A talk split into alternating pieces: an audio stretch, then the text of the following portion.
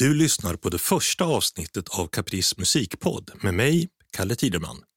I den här podden kommer vi att återpublicera konserter som spelades in under 1990-talet på något som hette Mix musikcafé. Mix musikcafé var en konsertscen för världsmusik på Musikmuseet i Stockholm, nuvarande Scenkonstmuseet. Den drevs av föreningen Musikmuseets vänner där många eldsjälar engagerar sig frivilligt och hjälper till. Själva konsertformatet Mix musikcafé spreds också över landet och hade utlöpare i till exempel Malmö, Göteborg och Falun. De flesta av konserterna på Mix musikcafé spelades in av Sveriges Radio och sändes i redigerad form i P2. Men i Caprice musikpodd kommer du för första gången att kunna höra konserterna i sin helhet. Varje avsnitt fokuserar på en enskild konsert och du kommer bland annat att kunna höra på konserter med Makonde, Hans Kaldaras och Stefan Bokor Ensemble, Tango Fatal och Anitas Livs. Men i det här första avsnittet ska jag prata om Mix musikcafé som idé och som konsertscen tillsammans med Kattis Eriksson och Mats Einarsson som på olika sätt var involverade i Mix musikcafé. Från början, 1991 och några år framåt, var alltså Mix musikcafé något som drevs utan radions inblandning.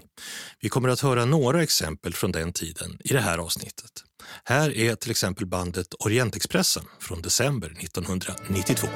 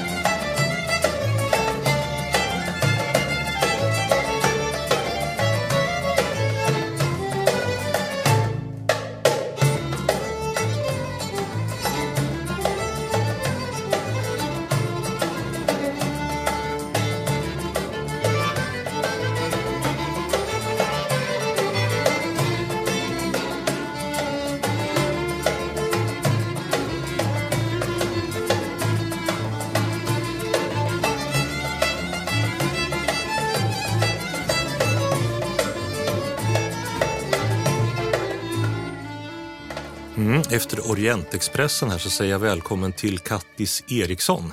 Tack. Du jobbar numera på Stockholms musikpedagogiska institut, SMI. Men på 90-talet så jobbade du med Mix musikcafé. Det stämmer bra. Vad hade du för roll i, i Mix och hur kom du med i alltihopa? Jag jobbade på Musikmuseet där det här Mix musikcafé skulle tilldra sig.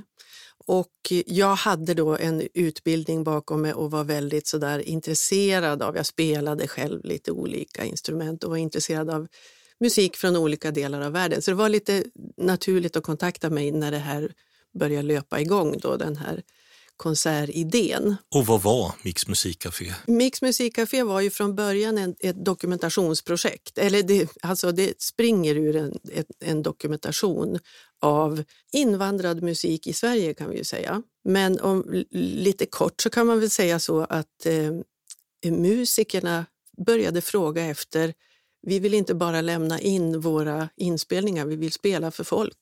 Och där börjar man då fundera på hur vi skulle kunna organisera konserter. Så då fick ni både dokumentation och musiker. I arkiven finns ju också demoinspelningar och sådana saker som, som inte är direkt knutna till konsertverksamheten. Men här blev det då en, en liveverksamhet plus att det blev en scen för publiken att möta den här musiken. Mm. Och en ny publik också för artisterna förmodligen. Ja, absolut. Den här termen invandrad musik, då, hur definierade ni den? Jag var nog inte så medveten då, tror jag, hur man definierar den. Det var liksom ny musik i Sverige på något sätt. Mm. Det, fanns, det var ganska breda ramar vad mm. jag kommer ihåg. Det här är alltså innan det blir radioprogram av alltihopa. Vi kommer att återkomma till det om en liten stund. Eh, och då hör man ju att de första inspelningarna är lite roare, de är gjorda i lite mer rumsklang och sådär. Det är samtidigt en otrolig bredd på de artister som är där. Men sen, jag, jag har tolkat det i alla fall som att det är musik som utförs av musiker som har flyttat till Sverige eller är födda här men som har en annan kulturell bakgrund och deras musik. Att det är det som är det invandrade och det vill man dokumentera lika väl som man dokumenterade den svenska folkmusiken. Ja, men precis. Sen växte det ju där och blev liksom bredare efterhand. Men jag är inte så himla insatt i just den här dokumentationsprocessen. Men det, det flöt ju över på något sätt sen när det blev konserter för att då satt ju alltid någon från Musikmuseet med en dattbandspelare och, och spelade in de här livekonserterna. Så det var ju liksom också en dokumentation innan det blev radio.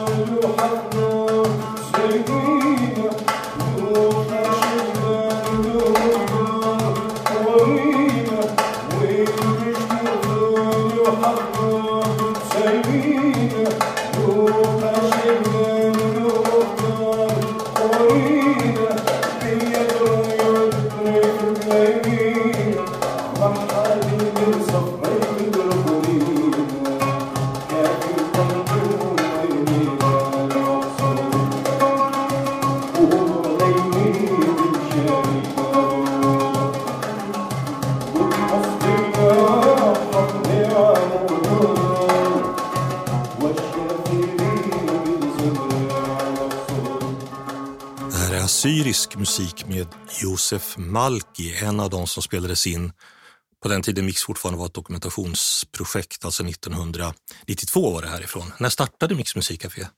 Det startade 91 och eh, höll på ända till början av 2001. Vilket intresse fanns det från musiker att vara med och bli inspelade på Mix musikcafé? Det fanns ju med tiden mer och mer intresse naturligtvis. Ju mer känt det blev så blev det också mer demos som flödade in. Men det har ju att göra med den här dokumentationen, att det redan fanns liksom en kontakt igång. Hur fick de reda på annars att den här möjligheten fanns? Jag tror att vi letade nog också lite ute på... Eh, det fanns ju många som var intresserade av den här musiken så att det fanns lite tentakler ute. Jag vet inte riktigt hur vi fick reda på olika typer av olika musikgrupper och sådär. Men det, det, det kom förslag. Och hur gjordes det här urvalet? Eh, när ni själv, alltså på, på, den tiden det var så att säga bara ert projekt innan det blev ett radioprojekt också? Ja, det har jag faktiskt försökt komma ihåg. Det måste ha varit så att vi satt en programgrupp i Musikmuseets vänner. För det här, det här finansierades ju via en förening som fick bidrag då från kommun och landsting och kulturråd. Just det, och så ägde konserterna rum på Musikmuseet. Precis.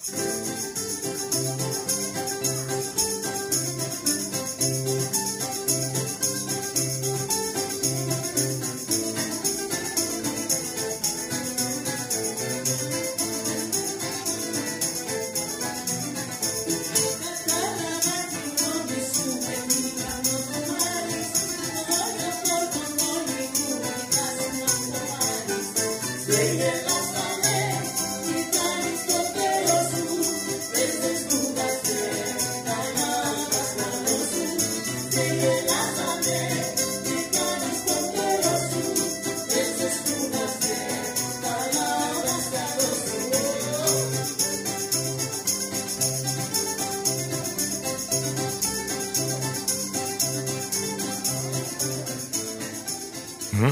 grekisk musik med svensk-grekiska Taximi.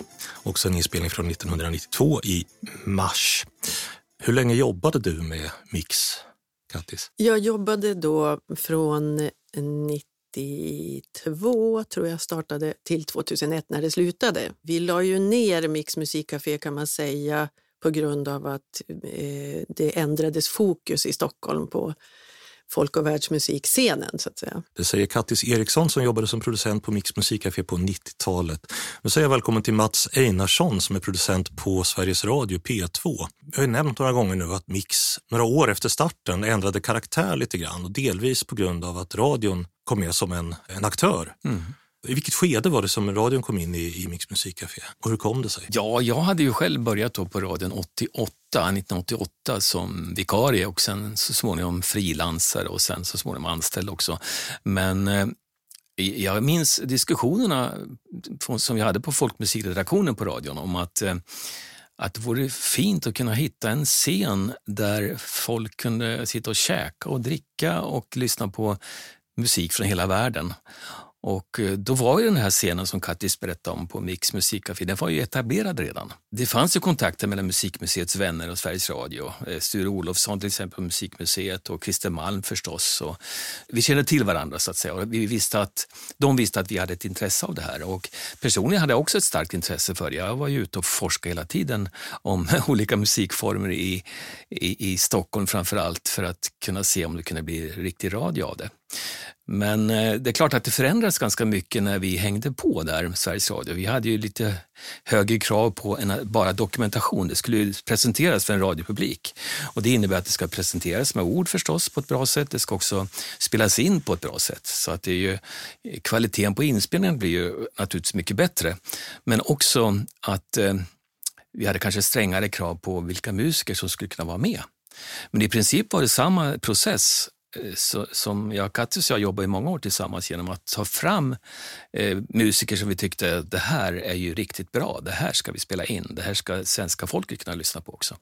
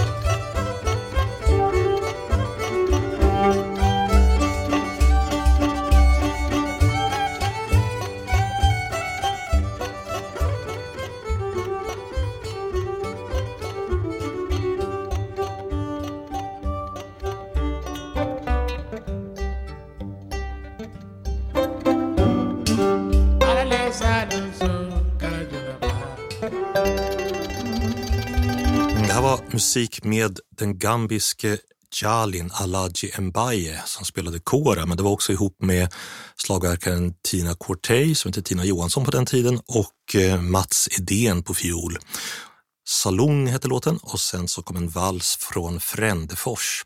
Den här konserten kommer vi kunna höra som ett av de här poddavsnitten där vi sänder hela konserter. Och det kan jag säga att resten av musiken i det här avsnittet det är sånt som kommer att sändas som hela konserter allt eftersom du nämnde att ni hade större krav på inspelningar och sånt på, och, och inspelningskvalitet och även på bokningar på, eh, av artister. Såg ni, så ni framför er att, att Mix Musikcafé skulle bli en slags nationell folkmusikscen med, med radion som, som arena eller hur, hur, hur tänkte ni? Ja, det självklart var det så. Vi hade ju radiopubliken för ögonen hela tiden när vi gick in i det här eh, och så måste det vara. Eh, om ett public service-bolag. Men jag tycker också att vi behöll huvudidén och det var ju att musiker och publik skulle mötas. Alltså en musik som de flesta inte kom i kontakt med annars kunde då avlyssnas i radion. Men också det här att musiker fick mötas sinsemellan så att säga och det här vi hörde nyss. Ja. Det är ett fantastiskt exempel på hur eh, svenska folkmusiker, Mats Edén till exempel, ger sig in och spelar gambisk eh, folkmusik. Mm. Och att det blir något eh, estetiskt lyft. Det är inte bara någonting som man klistrar ihop och så tror man att det ska bli någonting ja, hyfsat, men det här var, blev ju riktigt bra. Det blev en helt ny musik. Och det var ju någonting som vi strävade efter hela tiden, att, att skapa möten. Mm. Det finns en hel del sådana väldigt bra exempel på mixmusikcaféer där innehållet är någonting som skapas just för det, det formatet kan man säga. Snarare än att det kommer eh, en artist och, och spelar ett program. Så här, det förekommer också, men, men att det finns eh, just det här att, det, att Mixmusikcafé som sådant har bidragit till nya konstellationer. Mm. Men annars så var det ju i huvudsak så var det ju så att det var en publik som fick möta en ny musik. Det var inte så alltid att musiker började blanda sig med varandra och spela tillsammans från helt olika håll i världen, utan det var ju fasta grupper om de kom från Argentina eller från, från Grekland eller Turkiet eller var de var ifrån, så, så stod de ju där i sin egen rätt och sin eget framodlade musik. Och det var väl alltid två konserter per kväll va? när det var konsertkvällar så att det skulle vara två, alltså om det kom en publik för att se ett band så skulle de få det andra på köpet och lyssna på någonting de inte, de inte kände till. Och det var ju det som var mixen och det var ju det som var den stora, stora behållningen, tycker jag. Och publiken var ju väldigt positiv till det, vad jag, vad jag kan komma ihåg. Och det fanns såna här kvällar som var, det var såna olika halvor på de där kvällarna så att man var helt förbluffad. Väldigt kul var det. Hade Musikmuseet eller Musikmuseets vänner eller de som startade hela Mix Musikcafé som idé, hade, hade ni några synpunkter på att radion kom in och, och blev en medspelare, i, ganska tung medspelare och hade synpunkter på program och sådana där saker? Det var bara positiva signaler om det. Det gav ju en professionalitet till till hela den här konsertserien så att säga. Jag var ju inte proffs på sån musik på det sättet. Så det var fantastiskt bra. Även rent tekniskt så var det ju på den tiden var det ju inte så att man räknade med att ljudkvaliteten var en komponent i en konsert utan det var ju så att hade man musiker då här före radion kom in som skulle spela akustiskt så tänkte man inte på att vi måste ha en ljudtekniker och ljud som är lika bra. Mm. Så att det, det kunde ju vara verkligen si och så med det. Eh, innan radion kom in. Men när radion kom in så ja, men det var ju så naturligt att då höjdes ju kraven och det var också så att Sveriges Radio eh, stod för ljudtekniker i, i salen, vilket gjorde ett otroligt lyft. Mm. Och sen ska man säga också att eh, eh koncernerna stramades ju upp också när det gäller eh, presentationerna. Ja. För de ska ju också vara radiomässiga så att säga. De ska vara sakliga, de ska vara bra, de ska vara roliga, de ska vara allting som funkar också i en radiosändning där man inte ser presentatören. Och eh, där anlitades ju ofta väldigt duktiga presentatörer. Danne Lundberg till exempel och Anders Hammarlund och eh, andra som presenterade konserterna från scen. Ja, det gjorde du själv också. Ja, det gjorde jag. Eh, jag kanske ingick i den skaran också, ja. men det var viktigt att, att vi hade en slags professionell presentation också. Ja. Och det inte minst för musikernas skull, att de visste att vi, vi tog det här på allvar och att det här var på riktigt. Vi ska i alla fall ta två exempel på raken nu på två ganska olika musikstilar. Musik som kom in som konserter som blev av tack vare radions medverkan bland annat. Då. Dels är det med Makonde, ett svensk-afrikanskt band. En inspelning från 1994. Sen en inspelning med Tango Fatale som spelar koncertant tango, arrangerad sådan, ehm, för en inspelning från 2000. Men först Makonde.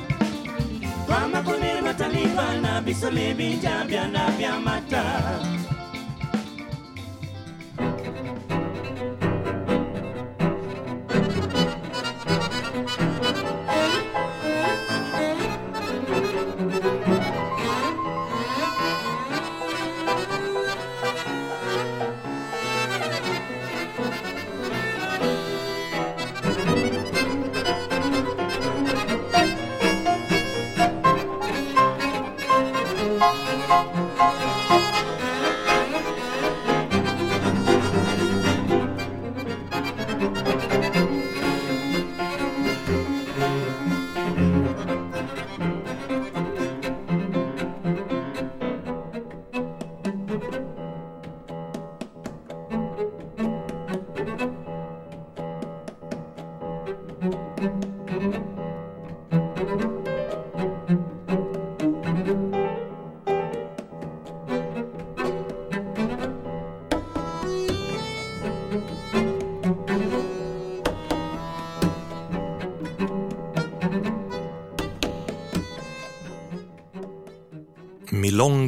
Picaresque med Tango Fatale och dessförinnan Bama med Makonde.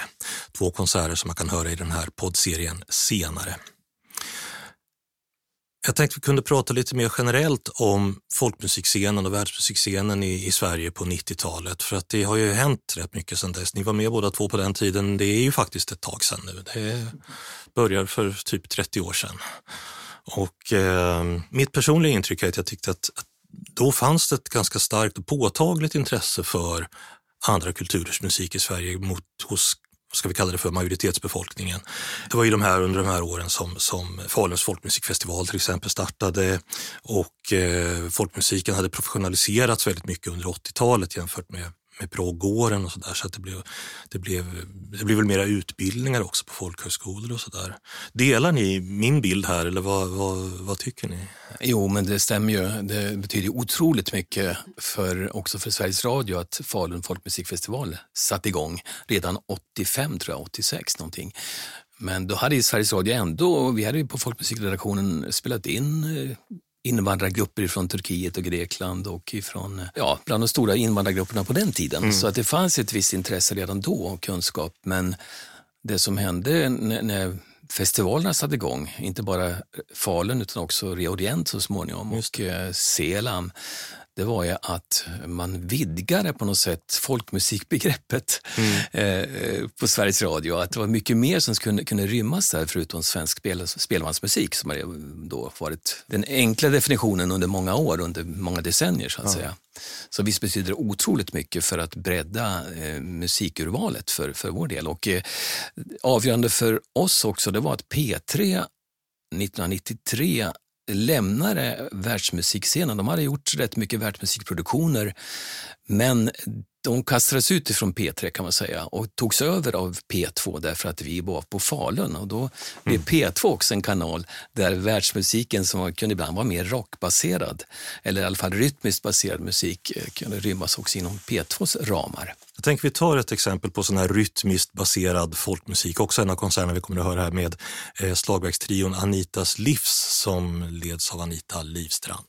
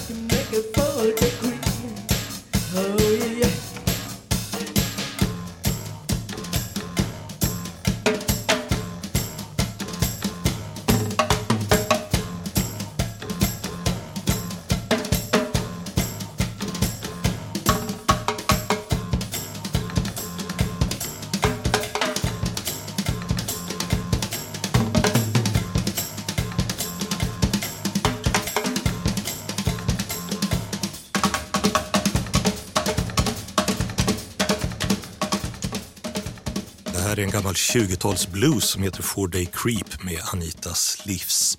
Vad blev reaktionen från radiolyssnarna när ni började spela sånt här i P2? Jag minns inte att det var någon som klagade. eh, och eh, om man säger att Anita Livstan kom ifrån proggtiden. Det fanns ju många från den tiden, Marie Selander och många andra som liksom redan hade börjat att plocka in musik från andra kulturer i sin egen musik. Och då som ännu inte kallades världsmusik. Nej. Utan det, det var ett fenomen som redan existerade så att säga. Men det nya under den här tiden var att man eh, kunde finna musiker som var födda utomlands, hade en hel, helt annan musik i, i ryggsäcken som kunde då framträda. Och eh, ja, det blev ett nytt, eh, en ny del i utvecklingen av vad är, vad är folkmusik och vilka är folkmusiker. Jag tycker just, eh, du nämnde Marie Selander och Anita Livstrand här om, om och deras proggbakgrund. Det fanns många fler. Som, Ja, Mm. för att mix fanns lite i en brytningstid skulle jag vilja säga. Man märker det att det är ganska många från den generationen som finns med och har spelat in här, antingen i början precis eller senare med radion. Det är många musiker som har varit till exempel med Södra Bergens balalaikor eller det här bandet som heter Bella Ciao som sjöng politiska visor eller eh, musikkollektivet Tillsammans och så var det väldigt mycket östeuropeisk och balkansk musik och sånt och klezmer. Du spelar ju själv i Sabbat hela veckan Mats. Som, som också Orientexpressen ska vi nämna också, som, Ja. var ju, som hade enormt mycket kontakter med andra musiker också, som var otroligt, eh, hade ett stort kontaktnät så att säga, som också hjälpte till att locka in nya musiker i det här sammanhanget. Men så, samtidigt så bara några, något år senare så kom ju Hedningarna med sin skiva Kaxi och parallellt då med den här skolade spelmännen som började göra avtryck och göra sina konserter. Det finns ju också speglat på, ibland på Mix Musikcafé. Var ni medvetna på något sätt om att det här var ett, ett expansivt skede? Eller? Jag vet inte. Det hände ju mycket och det var väldigt intressant. Det var väldigt spännande att se de här musikerna som då blev, när man mer och mer fick in skolade folkmusiker, Mm. så var det också så att, tyckte jag, att de hade ju liksom mycket lättare för att öppna sig och bredda sig och liksom komma... Det var ju tack vare radion också, att det kunde vara så att vi bara sa någon gång att äh, vi chansar på den här personen, den får göra vad den vill. Mm. Och så blev det någonting jättebra. För att det, det fanns liksom en professionalitet och en, en kunskap om musik och sådär. Så att det är spännande tid i alla fall. Vad tänker ni att Mix bidrog med då, om man ska försöka tratta ner det till någonting under den här perioden? Ja, nej, men det, det är väl ett tidsdokument får man väl ändå säga eh, under ett drygt ett decennium att eh, spegla ett musikliv som också fanns i Sverige som nästan aldrig syntes i övrig media. Eh, att vi lockade fram musiker till en egen scen som annars aldrig fick spela. Jag minns till exempel ett, en grupp som heter Criminal Tango. En argentinsk eh, tangogrupp som eh, Ja, de har tagit namn efter en berömd tango från 50-talet, tror jag. En tysk tango. Där jag fick nys om eh, Andres Spatula heter han, en gitarrist som höll till i en källare här på Kungsholmen där vi sitter just nu. Han var taxiförare och i den här taxigaraget ett, en våning ner i underjorden så samlade, hade han ett slags tangocentrum. Han hade sina tangokompisar som kom dit. De har också byggt upp en liten studio där de spelar in sina tangolåtar. Och eh, de kände ju ingen till naturligtvis, utan, men det var någon, en grupp som vi kunde locka till. Jag tror att de spelade på, på Mix musikcafé 1996. Eh, och det var ett ganska bra exempel på hur vi, både Kattis och jag, kunde leta fram musik som annars inte eh, syntes eller märktes eller någon visste om, förutom de själva förstås. Sen var det ju inte alltid rena konserter utan en del av det som finns i arkivet är ju scenkonstföreställningar också. Jag tänkte vi skulle höra ett exempel ifrån någonting som heter Ord och ton kring Jalal al-Din Rumi om den persiske poeten som levde på 1200-talet, tror jag, lång tid tillbaka. Vi ska höra ett lite längre exempel från den föreställningen med skådespelarna Susan Taslimi och Per Milstam och musikerna Elika Frisell och Sten Sandell. هر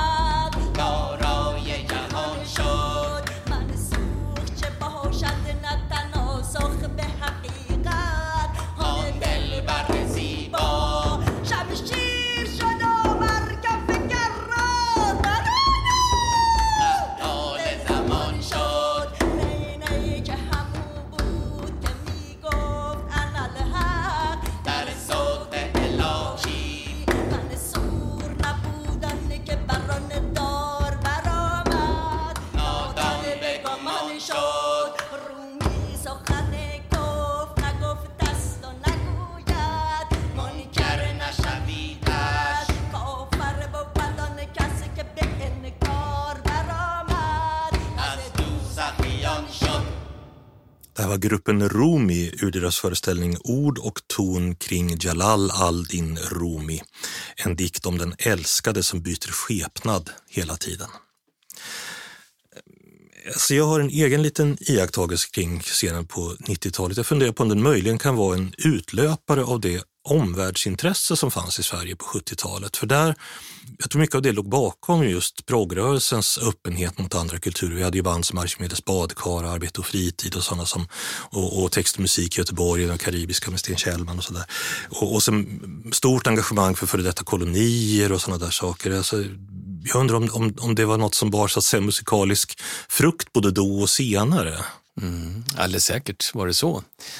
Det var där allting började. Men sen kom ju arrangörerna blev mer intresserade av professionella musiker från andra kulturer. Så att det, det kom igång en turnéverksamhet med de stora stjärnorna från andra kontinenter. Och festivalerna som jag nämnt tidigare som bjöd in de stora artisterna. Så- Så att, men men eh, om, om du säger någon, någon startpunkt så är det säkert det här att det fanns en mental mottaglighet hos en stor del av befolkningen över att lyssna på annan musik. Och det kanske var progrörelsen som satte igång det intresset. Mm, I alla fall bidrog till det Ja. något sätt.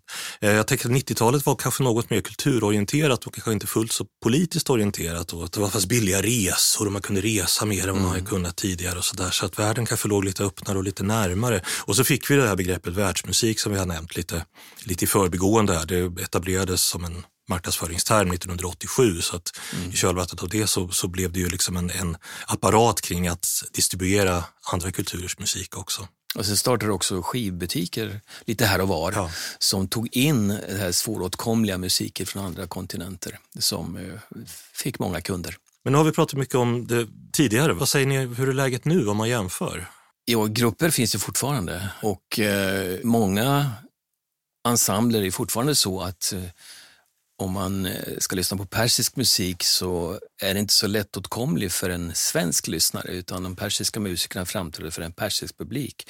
Och det gäller också den, de stora artisterna som kommer hit så är det ju, om det kommer hit en, en storstjärna från arabvärlden som dyker upp då och då så är det ju en arabisk publik i, i förstone.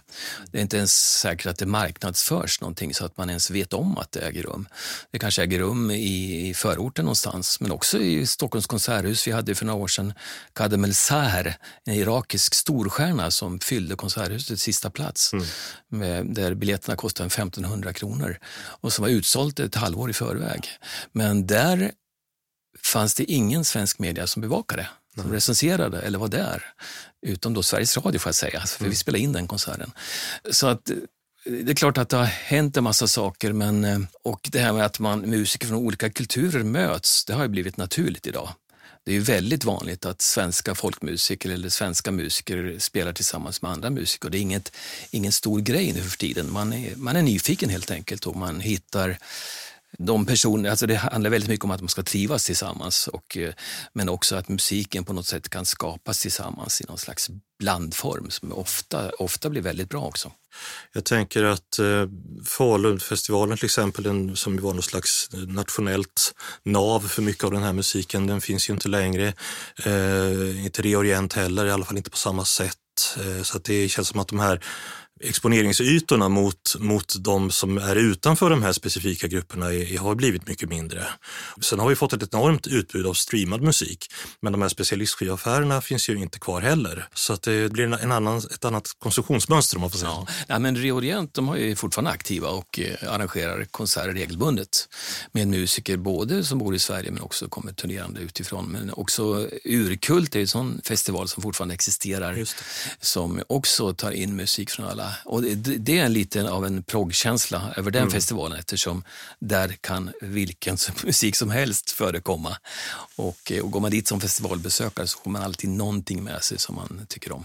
Nej, annars tänker jag, jag kanske drar för stora växlar på det här, men att, att öppenheten mot andra kulturer var lite större på 90-talet. Nu känns det som att det är ganska mycket att man, mång, mångkultur har snarare blivit något, ett, ett problembelastat begrepp om man säger. Liksom. Jag vet inte om det har någonting att göra med att det är en ti- politisk tidsanda också, förutom den kulturella. Jag är inte så säker på det faktiskt. Jag tror att nyfikenheten och intresset finns eh, både hos svenskar och nysvenskar över att det här finns. Och, eh, men som Mix musikcafé som scen, ja det motsvaras möjligtvis av Stallet i så fall som är en folkmusikscen i Stockholm. Men också på Mix musikcafé i Malmö till exempel som ju fortsätter i samma anda så att säga, det, som gjordes på spin-off, 90-talet. eh, spin-off-effekt. Ja, då, det, det tror jag. Så, och publiken finns nog där också tror jag. Så att, eh, i, I vår värld, folkmusikvärld, så är mångkultur är faktiskt bärande. Det är oerhört viktigt helt enkelt för att kunna presentera musik från alla möjliga kulturer. Men är det inte också så att, att eh, det är en liksom större frihet i genrer nu? Eh, att genrerna blandas upp, det, det vill säga mina barn när de var tonåringar kunde komma med en eh, hiphop-låt och säga kolla det här instrumentet finns med här. Och det kanske var en sass. Eller, alltså, alltså att man blandar in i andra genrer helt enkelt. Mm. Men, men just den här, eh, den här känslan att det var någonting som många som inte tillhörde några av de här kulturerna var aktivt intresserade av, det tycker inte jag är lika tydligt. Alltså att det fanns en, en svensk publik som var intresserad av inom citationstecken allt och ville gå både på persisk musik och på tango. Jag upplever att den publiken är mindre. Men det kan ha att göra med att all musik är så lättåtkomlig idag. Så att är man, gillar man någon musik så kan man grotta ner sig i det. Och så håller man sig till det hela tiden och eh, är inte så intresserad av det andra som också presenteras. Så att eh, lyssningsmöjligheterna har blivit helt annorlunda idag. Men på, på, på 90-talet när vi pratade om Mix musikcafé här i Stockholm så var det ju inte alls på samma sätt. Så att eh, det har också betytt rätt mycket faktiskt.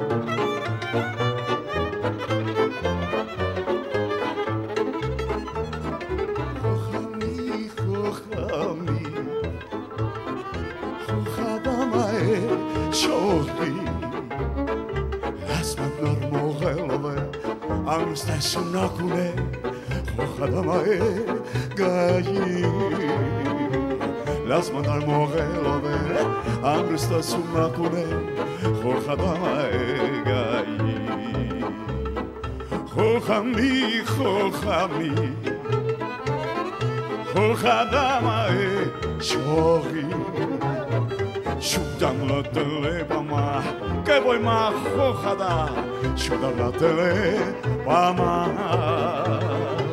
Ciudadratele pama Que voi ma hojada Ciudadratele pama Yatar, yatar, yatar mandar Yatar mandar Yatar, yatar, yatar mandar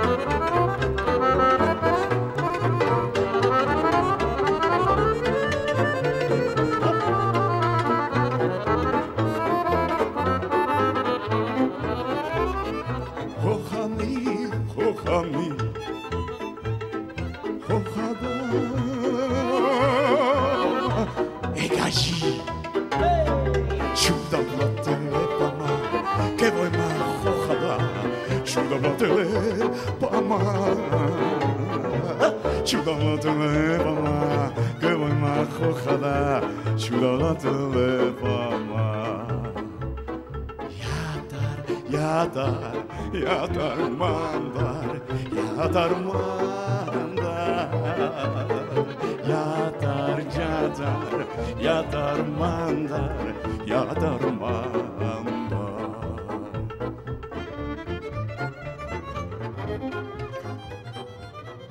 Det här var Hans Kaldaras och Stefan Bokor Ensemble. Chochamni heter den här sången och det är en konsert från 1998. Och det kommer att bli den första hela konserten som vi hör i den här serien med konserter från Mix Musikcafé. Men idag har vi pratat om Mix Musikcafé, lite grann om 90-talets världsmusikscen och med mig så har jag haft Kattis Eriksson. Tack för att du kom hit. Tack. Och Mats Einarsson. Tack så mycket. Tack så mycket. Och tack du som har lyssnat.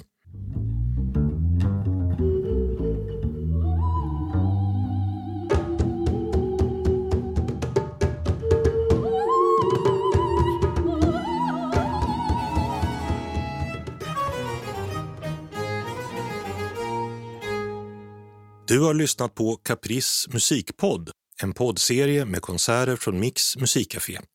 Jag heter Kalle Tideman och producent för avsnittet var Daniel Sävström. Caprice musikpodd produceras av produktionsbolaget Filt i samarbete med musikbolaget Caprice.